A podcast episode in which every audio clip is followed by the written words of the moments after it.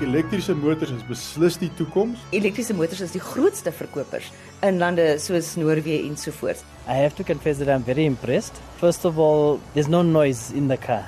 Dis baie eenvoudig. Jy het dieselfde motor wat in jou S-kas het as nou jou aandryfmotor. Dit is bietjie groter, maar dit koppel jy aan 'n enkelspoedradkas wat gekoppel is aan jou wiele. Tipies is die reduksie verhouding 1 tot 10 vir ouens wat self 'n kar wil bou. En dit is moontlik. Jy kan dit by die huis gaan doen. Japaneese het die eerste elektriese karre begin bou in die 40s. Ek dink die karretjie se naam is die Tama. Hy staan aan ons um, museum in Japan. Van die 100% energie wat jy in jou brandstoftank het, word net 15% uh, kilometers. Daar's nou ook baie sameswering teorieë dat die elektriese motor is doodgemaak deur die groot fossielbrandstowwe. En uh, weer 'n groot glimlag op my gesig gehad as jy wegtrek en hy druk in jou sitplek terug 0 tot 107 sekondes. So moenie dink dis 'n batterykarretjie wat jy moet stoot nie. Maar die elektriese motors is lank voor binnebrandmotors was daar elektriese motors.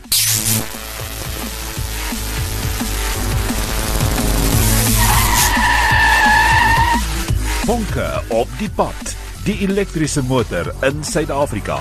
'n Dokumentêr deur Fritz Klaaste.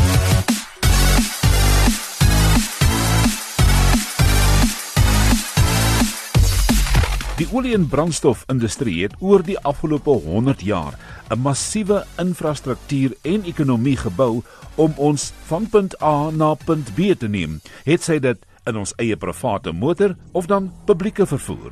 Maar die realiteit wat ons in die oë staar, is dat die fossiel brandstofbronne een of ander tyd uitgeput sal raak. Professor Johan Meyer van die Universiteit van Johannesburg en Karel Snyman van Sanedi. Kyk, ek dink is 'n uitgemaakte saak dat ons natuurlike hulpbronne vir energie op 'n opgebruik gaan raak. Ou kan nou nie sê dis môre nie, dis dalk oormôre, daar's verskillende goed wat gebeur. Maar die fossiel brandstowwe wat ons ken, dink ek is besig om uit te loop. Maar daar's 'n tweede aspek. Dis nie net die brandstof wat uitgeput raak nie, dis die neeweffekte van die brandstof wat ons begin pla. Die CO2 emissies, al daai tipe goed. Die huidige tegnologie, waar staan ons vandag, jy weet, is gebaseer op daai energiebronne. En ons weet dan ons maak al klaar oorlog oor daai energiebronne. Dit is bronne wat in die grond lê, wat uitgegrawe word en en minder en minder word en duurder en duurder word soos dit uitgrawe. So dit is 'n probleem wat ons het. So ons moet ons denke heeltemal vernuwe, reinvent soos die Engelsman sê en nie na die goeders kyk van 'n verskoon stuk papier af. Die kar is 'n mobiliteitswerkstuk. Van die 100% energie wat jy in jou brandstoftank het, word net 15% kilometers. En as hy soos klaaglik misluk daarin en omtrent 85% energie vermors, dan moet jy begin dink of jou kar 'n bate is en of dit 'n las is. Maar met die probleme wat daar vandag is in die toekoms wat onseker is ten opsigte van die voorsiening van daai brandstowwe en ook die prys daarvan, is mense besig om te soek na oplossings. En natuurlik die besoedeling in die stede in 'n stad soos Beijing 80000 mense 'n jaar wat doodgaan as gevolg van uitlaatgasbesoedeling. En die sigbaarheid in die stad wat baie keer daal tot 100 meter, jy weet, dit is dinge wat regtig nie goed is nie. So daar is baie sterk dryfvere vir verandering na skoner tegnologie. So ek dink ons staan by 'n punt, 'n keerpunte waar waar die dinge gaan begin verander. Maar daai keerpunt laat 'n belangrike vraag. Hoe verander jy 'n effektiewe stelsel wat oor jare ontwikkel is? Is daar dalk ander maniere waarop motors aangedryf kan word? Motorvervaardigers bou en ontwerp deesdae ook trapfietsse, nie net as 'n bemarkingsfoefie nie, maar ook om by te bly met eenvoudige tegnologie indien fossielbrandstowwe die dag verdwyn. Watter moderne tegnologie is tans beskikbaar wat die binnebrand-enjin kan vervang? Goed, daar's 'n verskillende soorte van aandrywing. Oorspronklik is dit 'n binnebrandmotor en dis die waarmee ons almal aan bekend is. Dan kry jy die dieselmotors. Alternatiewe op toe wat begin het was, mense het gekyk na kombinasies. Praat van hibriedmotors waar jy dan 'n binnebrandmotor het wat jy koppel aan 'n elektriese motor want nou kan jy 'n kleiner elektriese motor hê met 'n kleiner batterypak. Dan kyk mense na ander tegnologieë. Jy kyk na baie interessante ene, dis nie algemeen op die stadium nie. Kan mens kyk na turbineaandrywing waar jy dieselfde tipe turbine het wat op 'n vliegtuig gebruik word. Die voordeel daar is dis geweldige hoë spoed motors en jy kan vreeslik baie drywing in 'n baie klein kompakte houer hê teen baie hoë snelhede. Dis nog nie algemeen beskikbaar nie. Uh Jaguar weet ek het daarna gekyk as 'n alternatief, maar die voordeel ook van hierdie motors is hulle effektiwiteit is baie hoër as die standaard binnebrandmotor. Dan kan mens gaan na die absolute toppunt van tegnologie op hierdie stadium wat mense na streef is die voertuig wat deur suiwer waterstof aangedryf word. Maar die groot voordeel daarvan is dis suiwer elektrisiteit wat uitkom, maar die byprodukte is net water wat uitkom. En dit is die groot voordeel.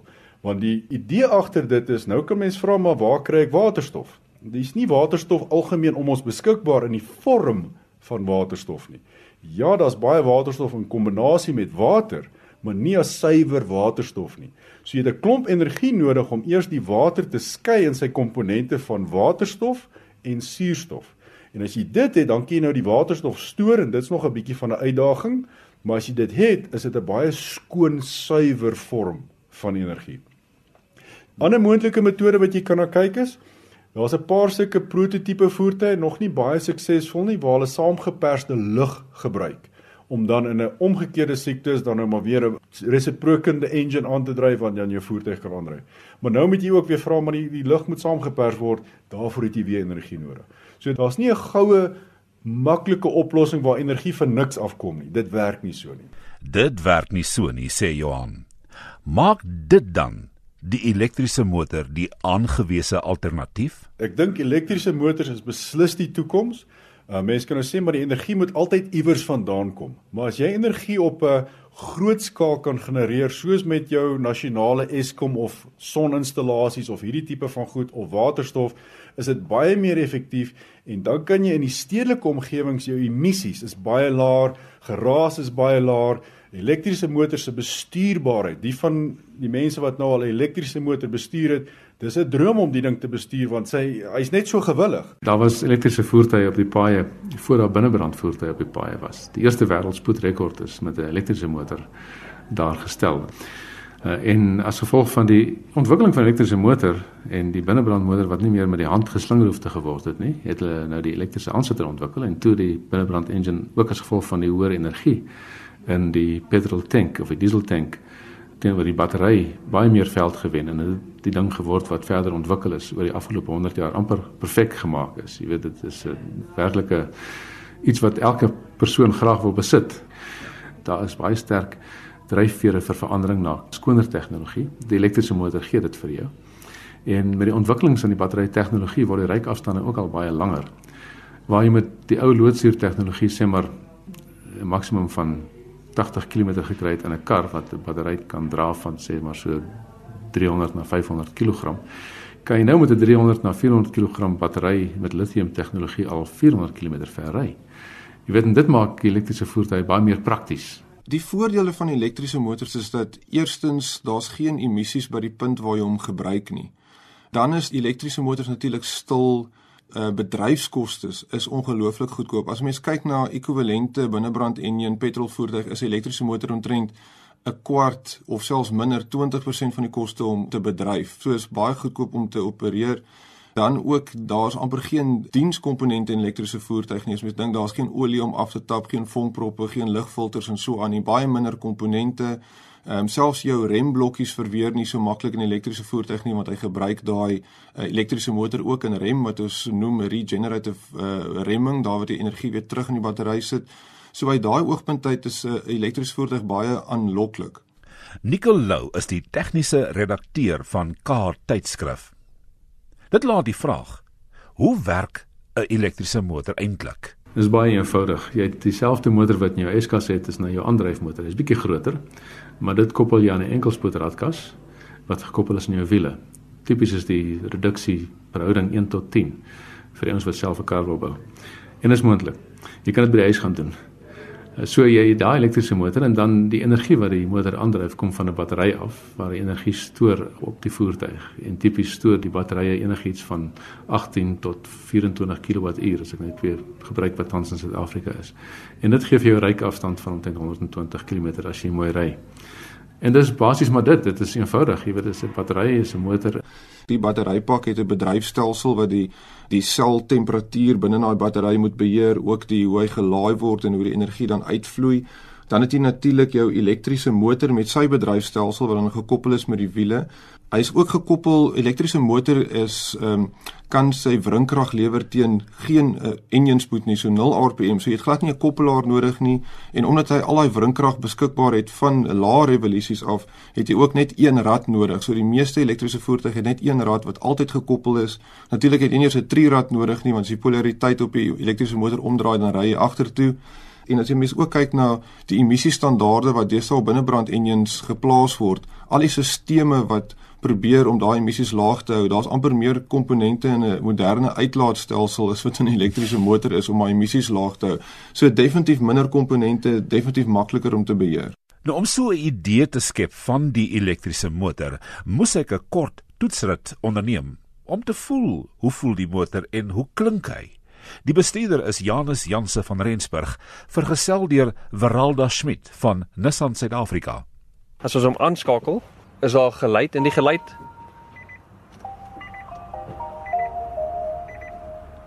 Die geluid basies is om vir jou te sê dat die voertuig aan is. Wat ons sien op die instrumentpaneel is dinge wat jy sien in jou gewone voertuig. Dit is miskien is die uitleg bietjie anderster, maar jy het 'n temperatuur lesing wat vir jou sê hoe warm die batterypak is onder jou. Jy het ook ons noem dit in Engels 'n distance to empty, so hoe ver jy kan nog ry op hierdie vol charge of vol laai op jou battery. Dit gee jou indikasie van kilometers en dan ook hoe vol hy is, soos wat jy in jou binnebrand engine voertuig sal hê.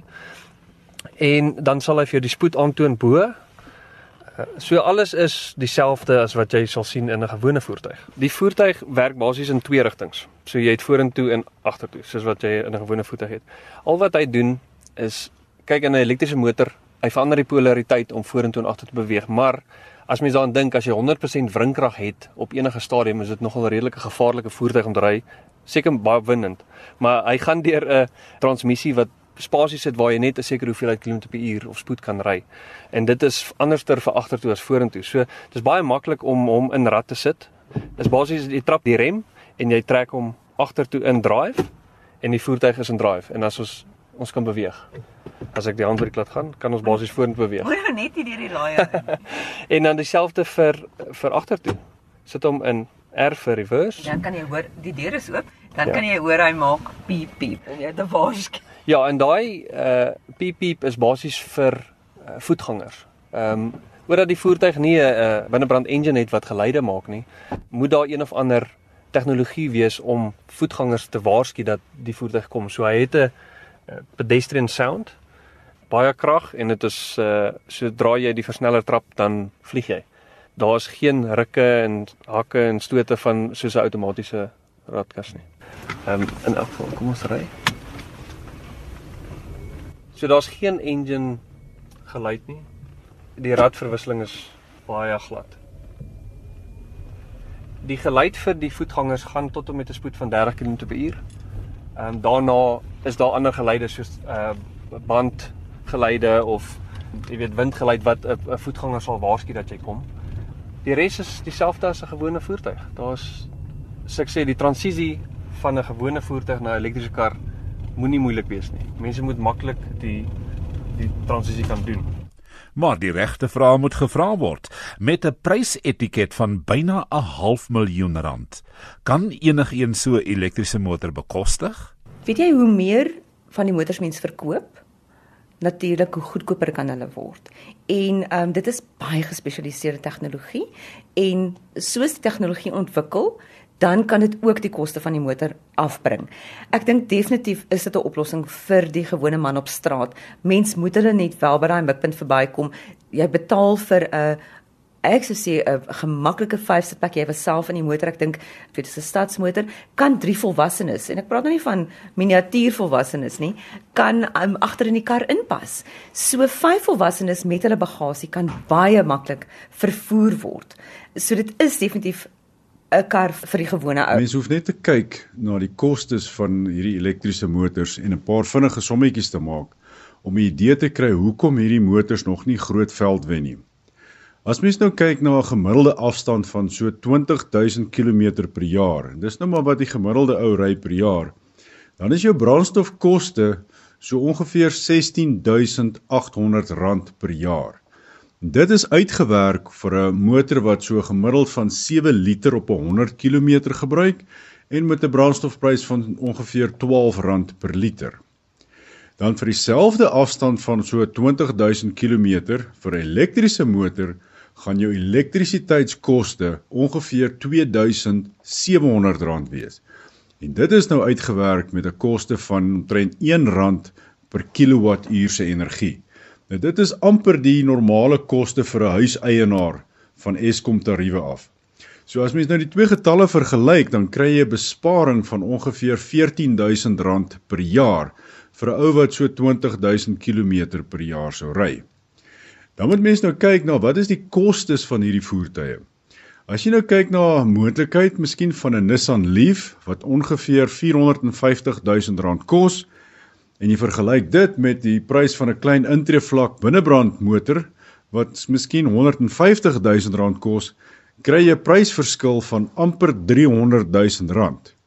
Nou om hierdie R300 000 koste op te maak met 'n besparing van R14 000 per jaar, dan gaan jy nou regtig 'n tydperk van meer as 20 jaar moet ry om hierdie koste op te maak. Maar mense moet dan ook na die ander aspekte kyk. Dit is die laer versieningskoste van elektriese motors en dan ook vermindering in besoedeling wat in die langtermyn groter onkoste gaan wees. Ek het gekyk na 'n netto huidige waarde vergelykings waar ek gekyk het na die kontant uitvloei van die kar se finansiering en natuurlik die energiekoste. Ek het nie enige ander kostes in berekening gebring nie. Ek wou baie vinnige sommetjie maak ek het die lief vergelyk met 'n Volkswagen Golf wat 150 000 rand goedkoper is. En ek het net die finansieringskoste en die energiekoste geneem en in 5 jaar se gebruik van die voertuig met die afstand wat ek ry, ek ry omtrent tussen 15000 en, en 20000 km per jaar, het ek gelyk gebreek. So toe was dit vir my goedkoper om elektries te ry uh, in, in 5 jaar tydslik al my geld terugkry en, en van dan af word dit net goedkoper. As ek dan 10 jaar lank ry, kos my elektriese kar my halfte die koste van 'n binnebrand engine voertuig. En as jy kyk na wat in stand gehou word, is minimaal in in die leeftyd van elektriese motors in die industrie word soms gewaarborg vir langer as 20 jaar. So ek dink daai motor gaan baie lank hou. Ek sal waarskynlik 'n paar keer batterye vervang wat op hierdie stadium nog duur is, maar ek verwag dit gaan goedkoper word soos sonkragtegnologie ook baie goedkoper geword het. Uh, die pryse van sonkraginstallings het na 'n derde toe geval oor die jare. Die batterykoste is ook besig om te val. So ek dink dit sal net goedkoper word uh, in vergelyking met binnebrand engines. So ek dink ek het iets gekoop op 'n ekonomiese besluit nie net omdat ek lief is vir elektriese voertuie en skoner omgewing wil hê nie. Maar behalwe die prys, is daar ander kwessies. As mens kyk na die batterypak groottes byvoorbeeld in die i3 en die Nissan Leaf, dan kyk 'n mens na 22 en 24 kWh, dis die grootte van die pak. Die ryafstand van hierdie voertuie as mens kyk is so in 'n omgewing van 150 km. So ongelukkig as mens kyk na ons lang afstande in Suid-Afrika, dan gaan hierdie definitief nou maar net 'n stadsvoertuig wees. Dit sal 10 10 in die tweede of die derde voertuig in 'n huishouding moet wees. Maar die die voordeel is die meeste mense wat werk toe en terug ry, ry minder as 150 km per dag. So vir die meeste gevalle gaan hierdie voertuig uitstekend werk om werk toe en terug te ry. En waar ons ook 'n voordeel in Suid-Afrika het, is in die prysklas wat voertuie kan bekostig, het ons almal 'n huis 10 10 1 met 'n garage waar ons dan die laaier kan hê wat as die voertuig oornag weer kan laai. Dit is natuurlik heel anders ter in Europa waar die mense nie toegang het tot garages of die elektrisiteit nie en daar steun hulle baie meer op infrastruktuur soos by winkelsentrums waar jy kan laai by jou werkplek en so aan. Nou in Suid-Afrika kyk hulle ook na die infrastruktuur, hulle wil dit ook bietjie begin uitrol ehm um, ook na winkelsentrums toe parkeerplekke en so aan. Maar soos ek sê, die druk is nie so hoog hier nie omdat ons by ons huise kan laai. Dit is 'n baie lekker ooreenkoms. Dit is 'n samewerkingsooreenkoms wat geteken is en dit hardloop oor 'n paar jaar en daarmee poog beide maatskappye om in openbare areas laaiers beskikbaar te stel, laat iemand nie noodwendig na 'n handelaar toe moet gaan wat moontlik na ure is die laaier agter slot en grendel, dan kan hy nie sy kar inprop nie. En dan kyk mens ook na goed soos winkelsentrums. Daar is verhoudings met ontwikkelaars om seker te maak dat nuwe residensiële woonstelblokke, ons weet almal 'n woonstelblok is mos nie meer 'n woonstelblok nie, dat hulle wel toegerus is dat iemand 'n motor kan inprop, want dit gaan oor gerief. Dit moet jou lewe makliker maak en dit maak jou lewe makliker en ons moet net seker maak dat ons daarbey kan aanpas. Dis hoekom ons moet seker maak dat daar wel oordentlike verhouding is met eienoomsontwikkelaars dat hulle van die grond af op 'n winkelsentrum, 'n woonsaalblok, 'n landgoed, 'n residensiële landgoed, dat hulle dit ontwikkel dat dit gemaklik is en dat dit 'n volhoubare lewenstyl aanmoedig. Dit gaan nie net oor jou kar nie. Dit gaan oor alles wat jy doen moet volhoubaar wees. En dan ek dink elektriese karre is nog so 'n spesialiteitsveld op die stadium dat dis nie sommer enige uh amper sê garage wat in jou in jou voertuig kan werk as jy in die platteland woon en daar's gaan iets verkeerd, daar gaan seker net 'n sekere hoeveelheid werkswinkels in die land wees wat opgelei is om op hierdie voertuie te werk. So daar's definitief 'n paar nadele. Ek dink koste en rykoafstand is op die stadium die grootstes. In die besigheid van elektriese motors is vervaardigers verplig om te dink aan volhoubaarheid en omgewingsvriendelikheid, geen emissies, herwinbare materiale en ander innoverende idees. En ek dink 'n vraag wat miskien in baie mense se koppe is, wat word van die battery na 10 jaar? Die batterye het almal 'n tweede lewe. Jy kan een van hierdie batterye vat en want hulle het baie krag en dit kan by skole geïnstalleer word, by kleiner gemeenskappe. Jy kan ons noem dit nou mos maar villages. Ek dink aan die Oos-Kaap, ek dink aan gebiede in die diepste Transkei. Ek kan amper sê die diepste donker Transkei want daar is nie elektrisiteit nie kan jy met hierdie batterye vir mense lig gee vir kinders om oordentlik hulle skoolwerk te doen om is vir 'n skool 'n verwarmer kos maak al daai goeders sonder dat jy probleme het met kersse parafin aan aangedrewe vure daai tipe van goeders want dit is veilig. So daar is daar's 'n tweede lewe. En so gepraat van innovering, Suid-Afrikaners was nog altyd innoverende mense. Die toekoms van die elektriese motor lê veilig in hulle hande en die Joule elektriese motor van ouds Batterynavorsing is maar net voorbeelde van vorige suksesse. As ons dink aan aan die batterytegnologie nou, net om dit te noem, twee voorbeelde te noem. Uh die Zebra battery wat in Suid-Afrika ontwikkel is in die 70's by die WNR. Dit word tans gebruik in 'n in 'n sonkrag aangedrewe bus in Australië wat hulle noem die Tindo. Dis die aboriginal woord vir son. En die lithium-ion tegnologie wat tans gebruik word in baie karre is is ook by die WNR ontwikkel. Uh, 'n man van Mike Thackeray, hy werk tans by Argonne Laboratories in in Amerika. Ons baie innoverende mense hier. En die ding is in Suid-Afrika as gevolg van hoe ons groot word en die uitdagings wat ons het, is ons veeldoelige mense, as ek dit so mag noem. Uh, Oorsee vind jy mense is baie meer gespesialiseerd. So die manier hoe ons dink hier, laat ons toe en ook die vryheid wat ons het hier om dinge te doen omdat ons in Afrika is. Ons het nie so baie wette wat ons beperk nie. Maak van ons mense wat dinge probeer en uitdagings aanvaar en, en, en dinge probeer doen voor ons miskien selfs nog gewonder het of dit nie kan werk nie. En dan vind ons 'n manier om dit te doen. En ek het baie vertroue in ons eie mense om om hierdie soort van innoverende oplossings te vind vir die toekoms ook. Jy weet so ons hoef nie terug te staan nie. So ons dink daaraan om selfs te kyk na nuwe stadsontwikkeling in Afrika en dit te doen op die nuwe tegnologie wat beskikbaar is sodat daai stede ontwikkel sonder om gedomeineer te word deur paaie waarop daar karre is en karre wat net stil staan nêrens beweeg nie. Jy weet dit maak geen sin nie.